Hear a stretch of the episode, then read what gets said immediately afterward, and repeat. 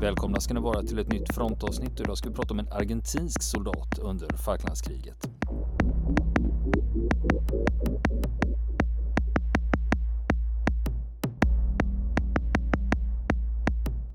Har du Niklas, eh, vi har ju kört några Falklandsavsnitt hittills. Ja, några stycken har det ju blivit under den här tiden. Har det ju. Och, och det var ju så här att i samband med, eh, med nu eh, eh, våra avsnitt om den ryske fallskärmsjägaren eh, och där det blev som det blev så var det en av våra lyssnare som skrev på vår Facebook-sida att jaha, jag får väl trött, trösta mig med några Falklandsavsnitt lite på skämt sådär. Det där tog jag ju som full intäkt för att jajamän, ni vill ha mer Falklands, då ska ni få det. Inte mig emot. så, så att eh, det kommer det bli nu. Eh, men eh, lite ur ett annat perspektiv, för det är ju vanligtvis så är det ju, det som dominerar är ju det brittiska perspektivet hos oss och det är ju ofta på grund av språk, språkbarriären och för att de faktiskt vann kriget. Och det är ju sådana saker som gör mig ännu mer nyfiken på den andra sidan i det hela. Och då så ska vi faktiskt följa en en argentinsk soldat som eh, eh var med under striderna på Falklandsöarna 1982 eh, och som eh, på 90-talet blev eh, intervjuad av en brittisk journalist och den intervjun förvaras just nu hos Imperial War Museum i London. Och eh, det är därifrån då som vi hämtar hämtar eh, hans historia. Mm. För jag, jag, kan ju säga så här att jag har, ju, eh, jag har ju sett alla filmer, alla spelfilmer som handlar om Falklandskriget. Eh, det är ju tacksamt för jag har sett alla fem. alla fem.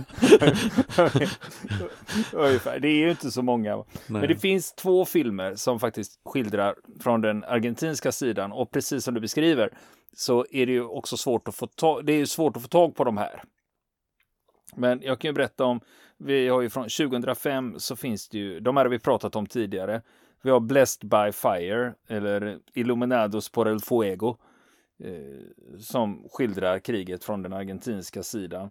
Eh, och sen kom det 2017, eller fel 2016, eh, då kom ju eh, en ny argentinsk film då som heter Soldado Argentino, Solo conocido por Dios och det betyder ju argentinsk soldat känd endast av Herren.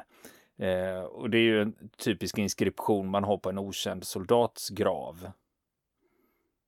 Så att där har vi ju två skildringar i filmvärlden i alla fall som eh, skildrar en del av de här eh, av de argentinska värnpliktiga då. Netflix eller?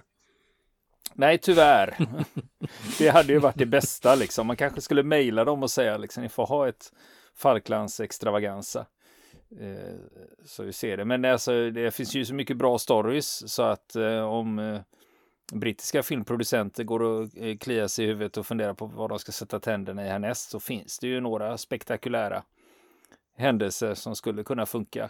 Just det. Och i det här fallet då kan jag ju säga när vi så är det ju en av de mest spektakulära händelserna. En av de mest kända händelserna under Falklandskriget till land som vi kommer följa. För vi har ju, som vi har faktiskt pratat om i tidigare avsnitt för ganska länge sedan. Och det är ju Goose Green. Striden vid Goose Green. Med Tupara, brittiska fallskärmsjägarnas stormning rakt in då i väl, välbefästa argentinska ställningar. Um, och uh, är, det, är det något som folk uh, kommer ihåg från det kriget, om de nu kommer ihåg något, så, så är det ju oftast eh, sänkningen av den argentinska kryssaren och sen kan man rätt många nämna just Goose Green, även om de kanske inte kommer ihåg exakt vad som utspelade sig där. Nej, och där kan man ju alltid gå tillbaka till eh, vårat avsnitt. Vi sände ju en serie avsnitt om Goose Green vad det var som hände så kan man ju lyssna på det och ställa det i kontrast mot den historien vi ska få höra nu då. Exakt, exakt. Så är det. Så är det.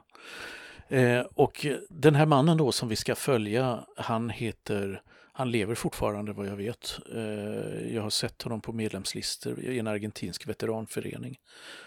Eh, så att eh, vad jag vet så är han fortfarande i livet och han är i 60 plus. Eh, han heter Alejandro Ramon Cano och han var menig artillerisoldat Eh, under Falklandskriget. I, han tillhörde en luftlandsättningsbrigad eh, i det som man kallar då aerotransportada eh, förbanden då i, i Argentina.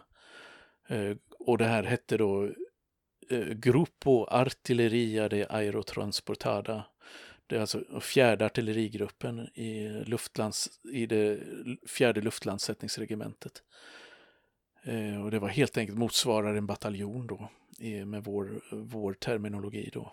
Man hade tre batterier med sex stycken italienskbyggda haubitsar i det här. Eh, vi ska gå in på dem lite, eh, lite längre fram här om en stund, vad, de, vad det där var för grejer som de arbetade med. Eh, och han var i 20-årsåldern eh, när eh, invasionen av Falklandsöarna inträffade då. Skulle bli elitsoldat. Eh, för det var ju ett elitförband som han, hade, som han var värnpliktig vid, men skickades ut i kriget långt innan han var färdigutbildad. Han hade bara några veckors utbildning. Eh, men då för att påminna läsarna, läsarna säger jag, jag tänker alldeles för mycket papper, gör jag. Våra lyssnare förstås. Om vi ska påminna våra lyssnare lite grann generellt om Falklandskriget så kan vi ju säga att det, det var ju i den 2 april 1982 som Argentina eh, efter en eh, lång politisk upptrappning av konflikten om de här öarna eh, plötsligt invaderade den här ögruppen i Sydatlanten då, som ägs av Storbritannien. Och redan tre dagar senare så skickar britterna en expeditionsstyrka till Sydatlanten för att ta tillbaka den här ögruppen från, från Argentina. Eh, Argentina var ju inte det demokratiska land som vi, vi eh, möter idag utan det var ju en eh, fullfjädrad diktatur på den tiden då med en massa generaler i, i ledningen då och den främsta av dem, han hette ju Leopoldo Galtieri, ledaren för den argentinska juntan. Och eh, det här var ju en stor grej för, eh, för Argentina då för att det här var en ögrupp som man haft eh, mycket länge hade gjort anspråk på och menat att britterna inte hade rätt till. Att det hand, egentligen handlade om argentinskt territorium. Och det här skulle då vara en stor eh, propagandaseger som skulle göra juntan som då var, hade blivit väldigt impopulär och och varit föremål för stora folkliga protester skulle höja popularitetssiffrorna helt enkelt. Det var ju en ja. stor grej med den. Med ja, den det, är en klass, det är en klassiker det där med att uh, ha ett krig för ena nationen och visa att man är en stark ledare. Och ja. Det är, sig. det är väldigt mycket så att utrikespolitik och den här typen av uh, militära företag det oftast har sina rötter i inrikespolitiken. Och så var det ju även i Argentina på den tiden. Så att den här invasionen utlöste ett krig då som pågick i 74 dagar totalt både till sjöss och i luften och till lands. Och det är inga jättearméer som deltog då, men det var ju ofta oerhört komplexa operationer och väldigt dramatiskt på många sätt. Och det gör ju att det, den här lilla, den här lilla liksom ögruppen mitt ute i ingenstans har gett upphov till massor av intressanta och spännande historier om det moderna kriget. Ja, och där vi vänder på varenda sten för att försöka hitta dem. Och det som är lite eh, genant här, det är ju snart att om man ser till antalet timmar Falklandskrig vi har eh, spelat in hittills, det är snart lika länge som själva kriget var. Ja, precis. Vi, vi, får säga till, vi får ha något slags jubileum när vi har kommit över tröskeln. ja, visst. Lägger man upp avsnitten ja. så får man liksom kriget i realtid. Mm. Liksom. Just det. Så att det, det slutade kriget då med en argentinskt nederlag den 14 juni 1982 kapitulerade de argentinska trupperna. Och eh, det var cirka 650 argentinska stupade, cirka 250 stupade britter och tre civila som dödades under kriget. Så att, eh, så att det är väl en snabb summering och det var ju nog det första kriget där man såg eh, ja, kanske inte, vi ska inte vara så kategoriska, men det fanns ju många olika eh, delar i det här som pekade framåt med insatsen av robotar och annat när det, gällde, när det gällde krigföringen där som gör att det fortfarande är väldigt intressant att studera den operationen. Och den här vår, vår man då, Alejandro Cano, eh, han berättar i den här intervjun då om hur förhistorien då ur sitt, ur sitt eget personliga perspektiv. Och han berättar så här då, och det, det är jag som har gjort översättningen då. så att eh, eh Jag påbörjade militärtjänsten den 1 februari 1982. Det är alltså ett par månader före Falklandskriget då. Jag genomgick en militär fallskärmshopparkurs. Kommenderades till ett fallskärmsjägarförband. Dagen före den 2 april fick jag order om att återvända till min militärbas. Han hade varit på permission då. Och vi förväntade oss problem i landet från och med den 2 april så jag bemannade militärposteringar på strategiska punkter i staden. Men vi trodde inte att Islas Malvinas skulle erövras. Och vad är det? Islas Malvinas? Nej, det är Falklandsöarna ja, på spanska. Exakt, precis. Bara kolla om du var med. Eller det är på spanska, ja det är det argentinska ja, namnet. Det argentinska namnet på Ja, och där har det blivit, ja, om, mm. det finns till och med i, i, i, på svenska kan man till och med säga Malvinerna. Mm. Eh, men jag vet eh, i rapporteringen i samband med i en tidning där man, det var något jubileum eller någon minnesdag kring eh, Falklandskriget så var det någon eh, någon, eh, någon eh, tidningsreporter som faktiskt hade skrivit att det var Maldiverna. eh, och då, de, när, när Argentina skulle ta tillbaka vad de kallar för Maldiverna var liksom, ja. ja, lätt den, den lilla juvelen har jag missat. Ja, ja, okay. jo, men Ja, ja, ja, men Malvinerna. Ja, precis. Mm. Och när våra styrkor intog Malvinerna, berättar Alejandro Cano, blev vi nästan lite glada eftersom vi hade velat ha de där öarna sedan lång tid tillbaka och vi trodde att de skulle bli våra igen.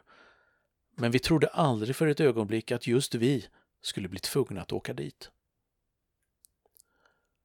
Vårt förband inklusive då värnpliktiga som gjorde grundutbildningen, började öva fallskärmshopp varje dag för att göra oss redo. Vi fick inte lämna basen, så vi var medvetna om att vårt förband skulle skickas till Malvinerna, inte Maldiverna då, förmodligen inom en vecka. Under den här tiden for så många saker genom mitt huvud, som att jag ville åka tillbaka till Buenos Aires och träffa familjen. Jag började fundera på vad som skulle hända om jag blev en desertör för att träffa familjen och flickvännen.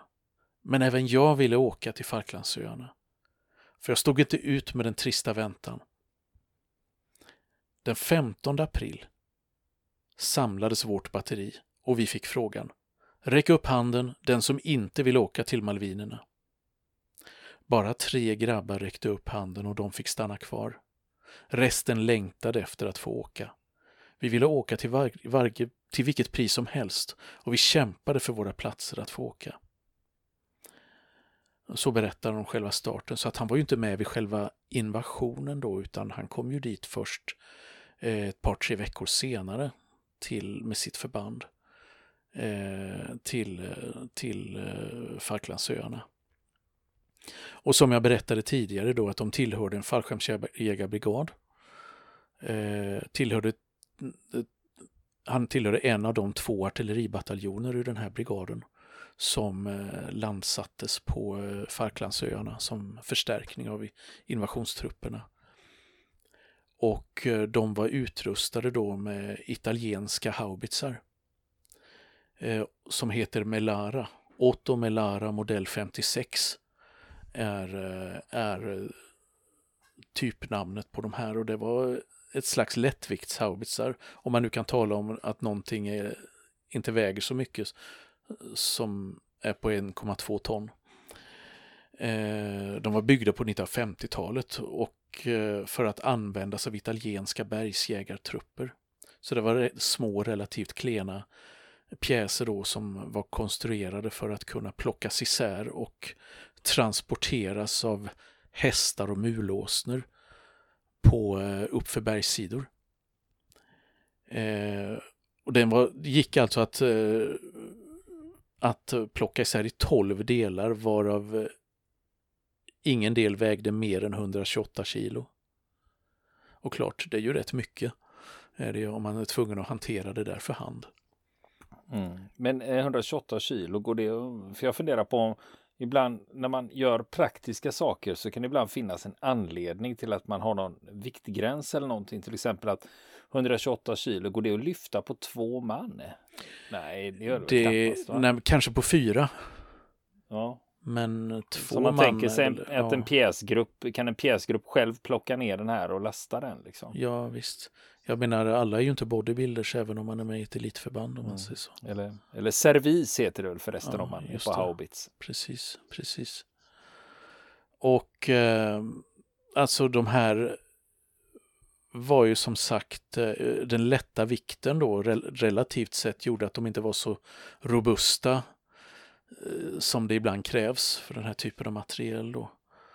Eh, men de var en, ändå en populär exportvara för de hade använts av eh, rätt många länder under kalla kriget och medverkat i flera krig runt om i världen.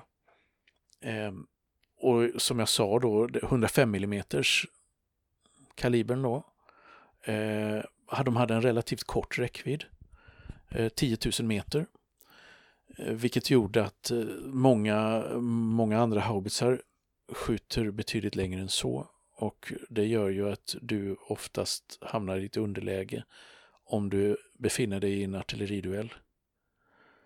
För att eh, då kan ju ha fienden kanon, artilleripjäser som kan skjuta mycket längre, då, då har du ju problem.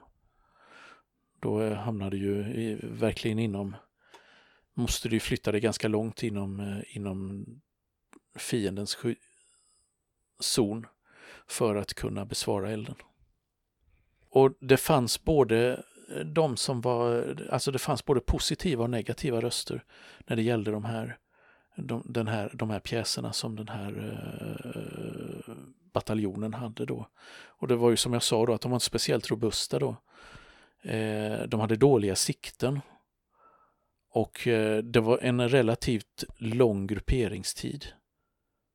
Och även eldhastigheten var jämförelsevis låg med andra typer som var i, var i bruk då. Eh, som till exempel britterna, de, de, brittiska armén hade själva haft de här med Lara-pjäserna under 50-60-talet. Men hade bytt eh, i många av sina förband och eh, på Falklandsöarna så hade man, hade man eh, eh lätta haubitser, också 105 mm, L118 som hade betydligt längre räckvidd då än vad de argentinska hade. Och, eh, och, trots det här då, trots de här eh, negativa synpunkterna så stod ändå eh, Melara-haubitsarna för en betydande del av de brittiska förlusterna under kriget på, på öarna. Kano och hans kamrater de fraktades till Falklandsöarna tre veckor efter invasionen då, med transportflyg till Port Stanley från fastlandet. Då. Hela brigaden är där. Fjärde luftburna brigaden, Brigada Aerotransportada, som leds av en överstelöjtnant Carlos Alberto Quevedo. Och eh, artilleribataljonen eller artillerigruppen som, eh, eh, som Kano tillhör, den har, ska spela andra fiolen är det tänkt. För den, eh, den ska bara vara eldunderstöd och förstärka den, den andra artillerigruppen i brigaden då som har huvudansvaret för fältartilleriet på Falklandsöarna. Så är det tänkt och man hade också eh, utsett de platserna där de skulle grupperas redan på förhand men så blev det är inte utan man ändrar planerna och istället så i sista ögonblicket så hamnar de på andra platser då. Då hamnar huvudstyrkan av den här bataljonen då, då drygt 300 man i Puerto Argentino. Och Puerto Argentino det är Port Stanley alltså. Som argentinarna passade på att döpa om. Och en del, ett batteri då, eh, hamnar i det som argentinarna kallar Pradera del Ganso. Vad är det, tror du? Ganso, det är väl att, jag tänker på tyska heter det Gans, gås alltså. Ja. Så att är det är antagligen samma ordstam då. då är det, och det finns ju bara en gås på Falklandsöarna, det är Goose Green. Då. Exakt, lysande Sherlock. så ja, är det. Men det lustiga, med, med språk så går det ofta, mm. så går det ofta och ja. Eh, spåra genom andra språk. Ja, mina Precis. spanska kunskaper är bristfälliga. Mm. Så. Ja. så ska, man ska man läsa om kriget ur argentinsk synvinkel då är, det, då är det argentinska namn på platserna. Så då får man försöka eh, klura ut vilka orter och platser de pratar om. Ehm, och det var alltså den 23 april då som eh, den här eh, eh artilleribataljonen flyttades till Falklandsöarna. Ehm, och som jag sa då, Fox Bay och Howard Port var de platserna den skulle, man skulle ha grupperat på som, eh, som ett slags kustförsvar, men så blev det alltså inte. Utan då blev, det blev själva Port Stanley och, eh, och eh, Goose Green. Och eh, det tog flera dagar att få över hela bataljonen. Ehm, det tog fem dagar innan, eh, innan de sista soldaterna och den sista materielen var, det sista materialet var på plats. Och eh, på öarna. Och Kano, han, eh, han berättar om vad som hände sen för att de fick slita rätt hårt de här artilleristerna för de hade med sig en hel del ammunition. Då. Och vem är det som ska bära alla de här granaterna? Jo, det var, fick ju artilleristerna göra själva. För att lasta om, om det här då. Eh, dit det skulle transporteras. Och klockan fem på eftermiddagen, dagen före den första maj, började vi samla ihop all ammunition som låg kvar vid bukten och lastade den på ett skepp som transporterade den till marininfanteriet. Vi förväntade oss aldrig att bli attackerade och vi var utmattade. Vi kunde inte göra något mer efter att ha burit så mycket ammunition. Min kamrat och jag vi satte upp vårt tält för att vila. Men efter bara en liten stunds sömn så väckte de oss igen, för vi måste fortsätta arbeta. Vi fyllde lastbilarna så mycket det gick och, eh, det transporterades vägen in till Puerto Argentino, Port Stanley alltså. Och transporterna pågick hela natten, till det första bombardemanget började. Det första bombardemanget startade halv fyra eller halv fem på morgonen. Och vi såg det, och de första åtta bomberna som, ja, jag vet inte vad det kallas för, flyg, det där flygplanet. Är det Vulcan? Jag trodde att det var en Harrier, men nej, det var det inte. Berättar Ankano. Och då har vi kommit in på ett annat avsnitt av, eh, av, eh, av fronten som vi har berättat om tidigare. Eller där vi har tagit upp en annan operation. Och det är ju Black Buck. Just det, Operation Black Back One. Ja, yes, den första eh, bombuppdraget mot eh, flygbasen där på eh, Falklandsöarna då som han var ett slags logistiskt mirakel och som, som Kano var en av de som bevittnade då från marken. Och eh, det blev snart klart då att de skulle skickas till ett samhälle väster om eh, väster om Port Stanley då, som heter Darwin. Och Darwin ligger ju vid Ghost Green och vi ska återkomma sen till hur det ser ut på den platsen längre fram. Men eh, man förstår att det blev tidigt ganska besvärligt på Falklandsöarna på grund av den brittiska sjöblockaden eh, av öarna. Vilket gjorde att eh, man fick ju problem med underhållet. Eh, på öarna. Det, det, kom inte fram livsmedelstransporter och andra nödvändigheter man behövde och moralen började som sagt ta skada bland manskapet då. Och Kano han berättar så här om den situationen då. Att eh, strax innan vi skulle lämna Puerto Argentino och bege oss till Darwin så blev vi straffade. Därför att en av våra killar påstods ha stulit en konservburk med ett kilo mat. Fast det var en annan korpral från ett annat förband som hade gjort det. Och vi var tvungna att göra fysträning. Och jag grät innan vi åkte eftersom vi inte klarade göra mer. Och då kom sekondlöjtnant Manzini och sa att lugna dig, ni ska åka till Darwin med premiärlöjtnanten. Och ja, jag ville inte åka då, men han sa att ni måste åka eftersom han vill att ni gör det. Och när vi lämnade Puerto Argentino och åkte till Darwin trodde vi att vi kommer att förlora. Så därför kommer vi verkligen att förlora. Just för att vi trodde det. Jag ville krossa engelsmännen oavsett hur, men just då tvivlade jag på att vi skulle göra det. Vi visste ju vad som var möjligt. Allt var dystert under de där dagarna. Vad som hände med oss på grund av det här landet och vi var arga, men vi ville också klara oss igenom detta. Och jag har glömt bort allt annat. Jag glömde att jag var hungrig. Jag har glömt andra saker som jag såg under de där dagarna. På grund av bestraffningen som de hade gett oss för att ha stulit maten så glömde jag alltihop. Men medan jag var där borta fick jag brev från folk där hemma, framförallt från familjen. Och jag har sparat allihop. Jag visste att argentinarna stod bakom oss. Men vi visste också att när breven inte längre kom fram på grund av blockaden så kunde inte längre någonting annat heller komma fram någonstans. Men aldrig ifrågasatte vi varför vi inte fick livsmedel skickade till oss.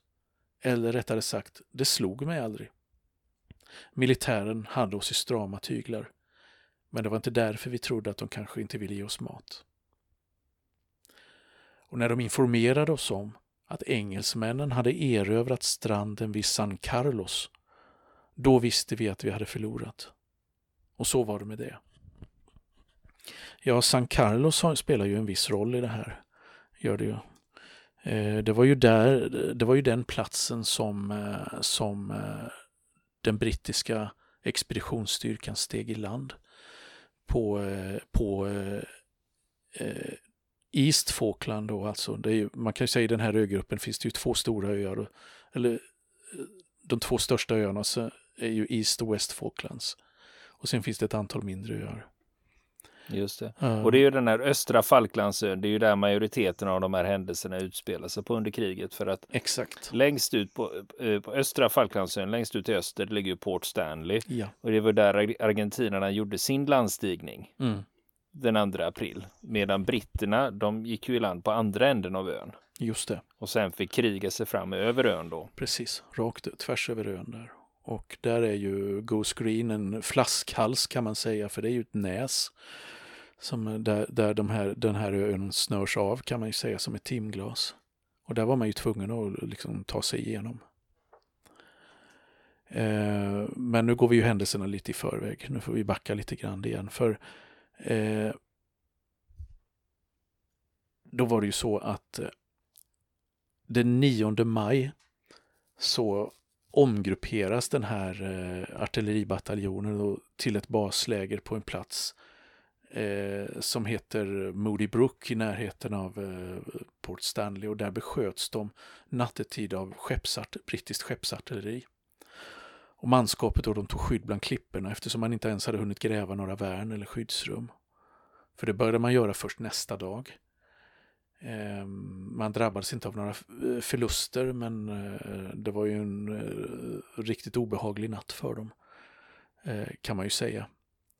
Och det tog sex dagar att göra förläggningen färdig. På den här platsen då. Och det var problem. Därför att marken var ju, det var ju, det var torv. Och det var väldigt sankt och blev lätt översvämmat. Så det var ju inte så där lätt att gräva några skyttevärn eh, eller skyddsrum i den här marken. Så att det mesta fick man lägga ovan jord. Så att säga. Man fick bygga upp värn istället eh, och eh, med hjälp av, eh, av bensinfat och annat som man fyllde med, med jord och torv. Så att groparna som grävdes de var väldigt grunda och det var, det var blött och eländigt. Mm. Det är precis som du beskriver, det känner jag igen från flera andra böcker jag har läst just om Falklandskriget, just när de försökte gräva i den här torven. Att det, det vattenfylldes väldigt fort. För det var eh, blött och fuktigt. Va? Just det.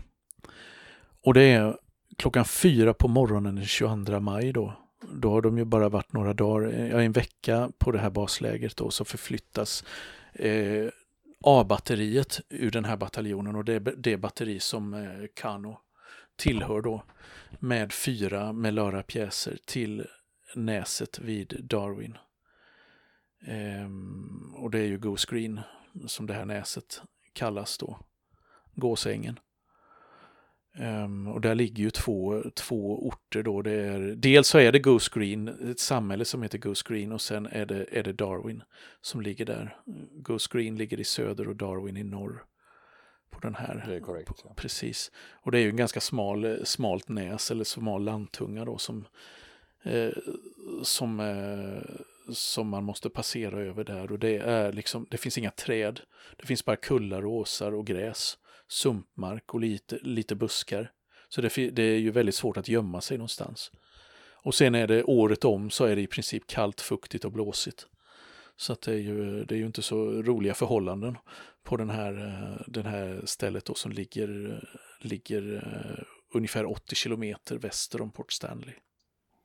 Mm. Och sen får vi ju tänka också när vi använder oss av begreppen ort här Alltså det finns ju settlement brukar britterna säga om det här och det beror ju på att det är ju egentligen det är ju inte så jättemånga Nej, hus. Klunga hus bara. Eh, Precis. Egentligen och framförallt eh, Goose Green där det kanske rör sig om 20-30 eh, byggnader totalt.